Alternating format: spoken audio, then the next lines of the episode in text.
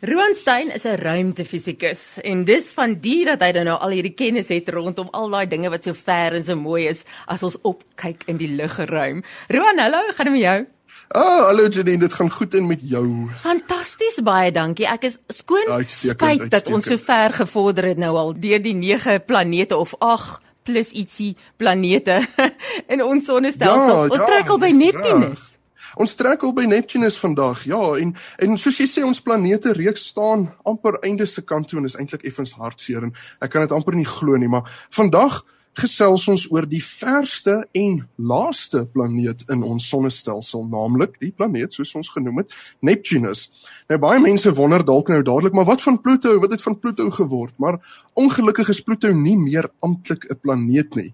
Uh, maar ons gaan definitief volgende keer wel oor Pluto gesels en bespreek hoekom hy nie meer 'n planeet is nie en hoekom hy nie meer as een gesien word nie. Maar vandag gesels ons eers oor Neptunus. Nou Neptunus is die 8ste planeet weg van die son af en word saam met Uranus geklassifiseer as 'n ysreusplaneet soos ons laasweek gehoor het. En dit is as gevolg van die gevriesde ammoniak en metaan rotse wat in die atmosfeer voorkom. Nou Neptunus het 'n helder helder blou skynsel, heelwat meer blou helder um, as wat ons by Uranus gesien het. Neptunus lyk amper soos die aarde net sonder wit wolke. En uh, hierdie helderblou skynsel um, is juis as gevolg van die meerderheid metaangasse wat ons in die atmosfeer aantref. En is baie interessant dat uh, 'n mens kan weerpatrone raak sien op Neptunus. Mense kan 'n uh, paar wolke sien, 'n uh, windrigting sien, maar dit is nou natuurlik net as jy die regte toerusting het. Neptunus kan definitief nie met die blote oog gesien word nie en selfs uh, redelik moeilik om waar te neem met groot teleskope op die aarde. Die beste fotos wat ons tans van Neptunus het, is geneem deur die Hubble ruimteteleskoop en die Voyager 2 ruimtetuig wat in 1989, ja, 31 jaar terug daar verbygevaar het op pad na die uiterste hoeke van die sonnestelsel. Nou die rede waarom ons so sukkel om Neptunus waar te neem is maar bloot as gevolg van die feit dat hy so ver is en so klein is. Uh, Neptunus is ongeveer 4.5 biljoen kilometer weg van die son, oftewel 30 AU astronomiese eenhede, soos ek vroeër gesê het, en dit neem lig ongeveer 250 minute om die planeet te bereik. Nou 'n dag op Neptunus is maar net 16 ure lank en daarom soos ons gesien het by baie van die ander planete veroorsaak die kort dag onsaglike hoë windsnelhede op Neptunus um, wat tot en met 2000 km per uur vinnig kan waai. En dit neem Nep um, Neptunus 165 jare om om die son te wentel. Wow. Nou Neptunus is in 1846 ontdek en dus het Neptunus in 2011 eers een keer om die son gewentel vanaf sy ontdekking. Nou die ontdekkingsstorie van Neptunus is 'n baie mooi storie en dit is hier waar ek nou vanoggend bietjie gaan stil staan.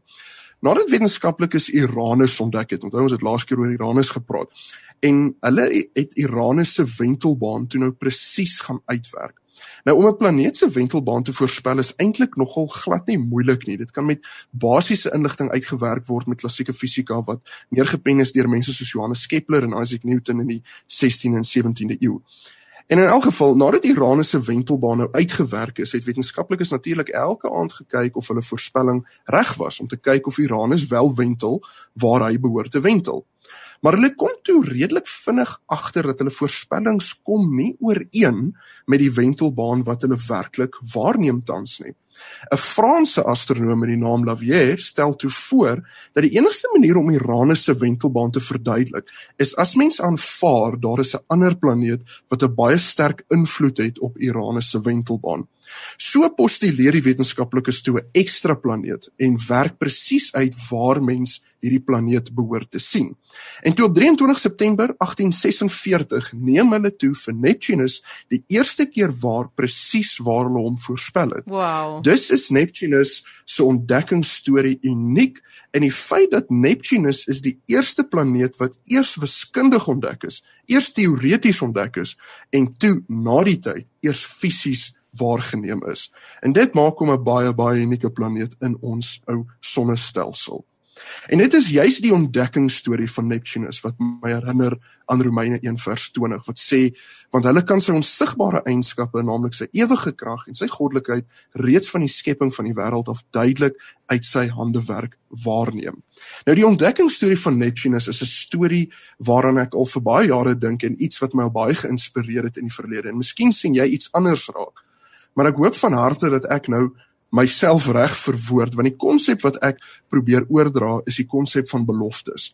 Dit die die ontdekkingsstorie van Neptunus simboliseer vir my die feit dat God se kinders nooit vergeete sal gaan nie en dat God se kinders nooit agtergelaat sal word nie. Hierdie planeet is eintlik veral vir daardie tyd op 'n baie abnormale manier ontdek. Al die ander planete is eers waargeneem en toe neergepen as 'n planeet, maar Neptunus is eers as 'n gedagte eksperiment gepostuleer en toe waargeneem basies verkeerd om as dit ware. En dit wys vir my dat alhoewel dinge lyk asof dit agterste voor hom gebeur, beloftes sal tot vervulling kom. Jy sal in aanhalingstekens sê ek het nou ontdek word as dit ware. God se beloftes teenoor jou sal tot vervulling kom. Het sy dit met jou doel in die lewe te doen het, het sy dit met jou huwelik te doen het. Hy is getrou en al lyk dinge vir ons menslike oë verkeerd om, dit wat hy beloof het sal gebeur en die ontdekkingsstorie van Neptunus herinner my elke keer daar en simboliseer vir my presies dit. Die ding dat God so alwetend is. Ek bedoel daar's soveel soos wat ons nou aangegaan het en jy al dinge aan ons openbaar het. Soveel goed wat as jy nie die ekstra inligting gehad het nie, jou nie eers sou geplaat nie, né? Ehm um, Ja, verseker, my my ja. onkunde maak dat iets my nie eers opval nie omdat ek nie weet waarvoor om te kyk nie.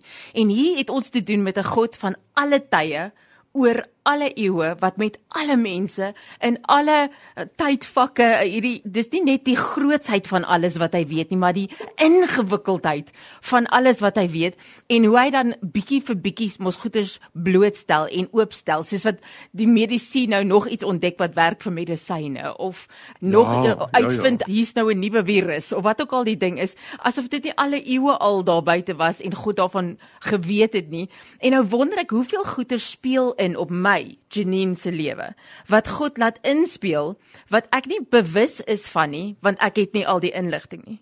En God gebruik dit doelbewus is aktief besig om alles in ag te neem wat ek weet en wat ek nie weet nie om my lewe ten goeie te laat uitwerk. Hy het 'n effek op Uranus se wentelbaan En al hoekom ons dit oplet is omdat hy nie doen wat hy veronderstel is om te doen nie. Daar's yes. soveel sulke voorbeelde in jou lewe, guns wat jy het wat jy nie veronderstel is om te hê nie of um, geleenthede wat jy kry wat eintlik onregverdig is. Jy weet enige iemand anders te kon ja, gekry het. Ja, ja. En hoe die Here hierdie goeders alles so laat inspeel. Hoeveel Neptunusse is daar in ons lewe? En ek wonder of God lekker kry omdat hy omdat hy weet dat sy gedagtes so ver bo ons is en alles wat hy weet wat ons nog nie weet nie. Ek wonder soms of hy lekker kry by daai gedagte dat ons nie nie omdat ons nie weet nie, maar dat hy ons so verbaas met hoe dinge uitwerk wat nie veronderstel is om uit te werk nie. So jy sê ons kan nie Neptunus sien nie. Selfs al het ons 'n fantastiese teleskoop, gaan dit nie werk nie. Ons moet maar gaan op jou woord in die internet se prent. Nee, nee, nee, nee, mens kan met maar 'n wetenskaplike industriële teleskoop kan 'n mens Neptunus behoorlik sien kyk as ons met teleskope kyk wat van die aarde af kyk, dan moet ons deur die atmosfeer kyk en ons atmosfeer is ongelukkig maar bietjie vuil. So dit is hoekom die beste fotos wat ons gewoonlik maar kry van sulke ver planete is maar van 'n teleskoop wat buite kan die atmosfeer is en dit is onder andere hoekom ons die Hubble ruimteteleskoop het sodat ons nie deur die atmosfeer hoef te kyk nie. Ek het my dom vraag nou van my kant af. Waar's die Hubble teleskoop dan? Die die Hubble ruimteteleskoop wentel om die aarde. So dit is soos 'n satelliet en hy wentel eintlik maar net om die aarde, maar dis hierdie massiewe teleskoop wat hulle nou beheer van die aarde af. En uh, dit waar dit al groot ontdekkings gekom. Uh, hy is eintlik al op aftrede. Die James Webb teleskoop um, gaan hom nou vervang in die volgende paar jaar. Ek dink die Hubble teleskoop, ek kan nie presies onthou nie, maar hy's iewers in die 90 sal opgeskiet. So hy is nou al eintlik aan die einde van sy lewensyd. Kan jy nou meer? Sê net jy leer nooit iets hierse op Radio Kansel 657 AM nie. So dis nou Roan Stein, ons ruimtefisikus wat sopas Neptunus Geromeine 21 het.